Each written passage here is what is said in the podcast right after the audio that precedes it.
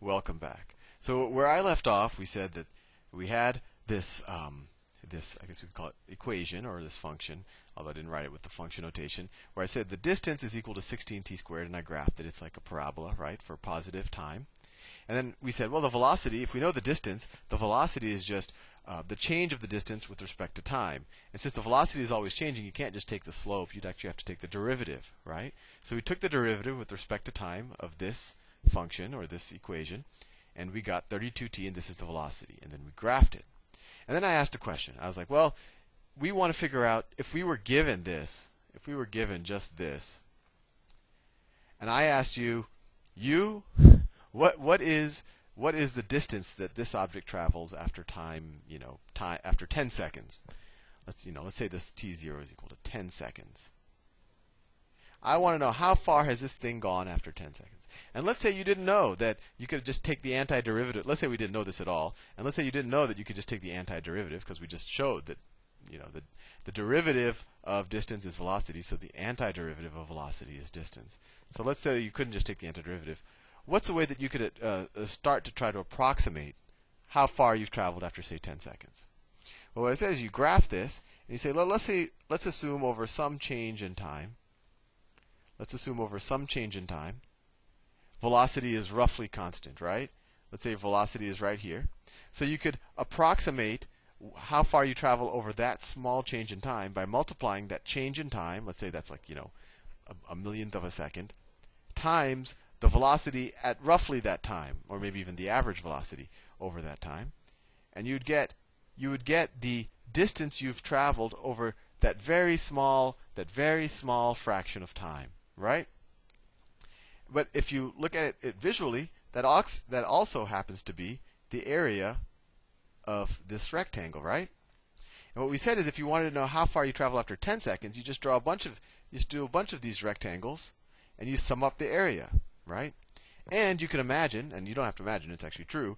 The more, the, the smaller uh, the bases of these rectangles, and the more of these rectangles you have, the fat, uh, the more accurate your uh, your approximation will be, and you'll approach two things. You'll approach the area under this curve, right? Almost the exact area under this curve, and you'd also get almost the exact, um, almost the exact value of the uh, of the distance after say 10 seconds in this case, right? But 10 didn't have to be an exact number; it could have been a variable. So this is something pretty interesting. All of a sudden, we see that the anti the antiderivative pretty darn similar to the area under the curve, and it actually turns out that they're the same thing. And this and this is where I'm going to teach you the indefinite integral. So the indefinite integral, I don't know how comfortable you are with summation. I, I remember the first time I learned calculus, I wasn't that comfortable with summation, but it's really all the indefinite integral is is you can kind of view it as a sum, right? So now you'll maybe understand a little bit more why this symbol looks kind of like a sigma. That's actually how I view it. And, and please look it up so you can see properly drawn um, integrals. But in this case, the indefinite integral is just saying, well, I'm going to take the sum from t equals 0, right? So from t equals 0 so let's say in this example, t equals 10, right? Because I said 10. From t equals 0 to t equals 10. And I'm going to take the sum of each of the heights, the height at any given point, right? The height at any given point, which is the velocity, which is the velocity, and then what's the formula for the velocity? It's 32t. 32t. And then I'm at times the base at each at each at each of these rectangles dt. And so this is the definite integral. The definite integral is literally, and uh, they never do this in math texts, and that's what always kind of confused me, is that you can kind of view it like a sum like this. It's kind of the sum of each of these rectangles, but it's the limit as it's uh, you know if if we if we actually had if these were discrete rectangles you could just do a sum and you could make this the rectangle bases smaller and smaller and have more and more rectangles and just do a regular sum.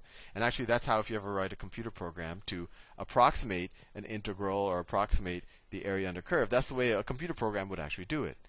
But the the actual indefinite integral says well this is a sum but it's the limit as the bases of these rectangles get smaller and smaller and smaller and smaller, and we have more and more and more of these rectangles. So if you know as as these dt's approach zero, and then the number of rectangles actually approach infinity. So I'm actually to I'll, I'll, do that more rigorously later, but I think it's very important to get this intuitive feel of just what an integral is. It isn't just you know this voodoo that happens to be there. But anyway, so just going back to the problem. So the integral from of of the integral this is now a definite integral. We're saying from t equals 0 to t equals 10. This tells us two things. This tells us the area of the curve from t equals 0 to t equals 10, right? It tells us this whole area. And it also tells us how far the object has gone after 10 seconds, right?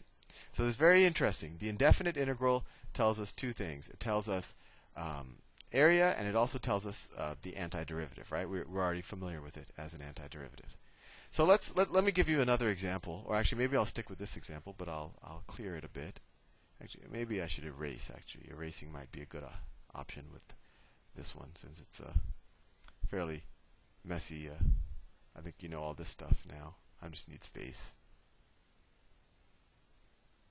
Maybe okay. So we we have that indefinite integral, and we could actually figure it out too. I mean, uh, well, after t seconds, So, so and, and the way you evaluate an indefinite integral, and let me show you that first, is that you you figure out the integral. So let me let me just say, let me continue with the problem actually. As you can tell, I don't plan much for these presentations. So the way you figure out the indefinite integral is you say, and sometimes they won't write t equals 0 to t equals t. They'll just say from 0 to 10 of 32 t dt, right? And the way you evaluate this is you figure out the antiderivative, and you really don't have to do the plus c here. So the antiderivative we know is 16t squared, right? It's 1 half t squared times 32, so that's 16t squared. t squared. And we evaluate this at 10, and we evaluated it as 0.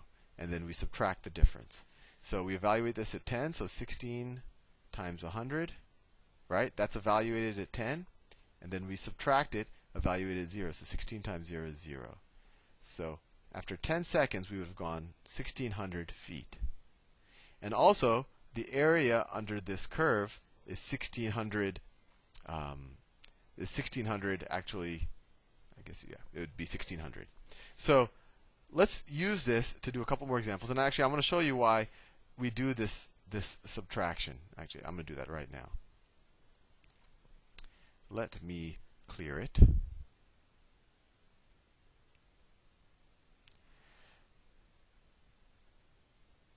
Oh, that's that's ugly. Okay.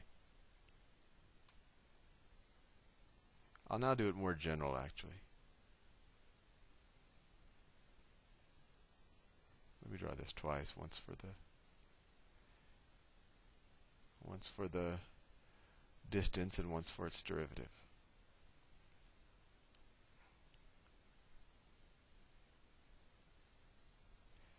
So let's say that the distance.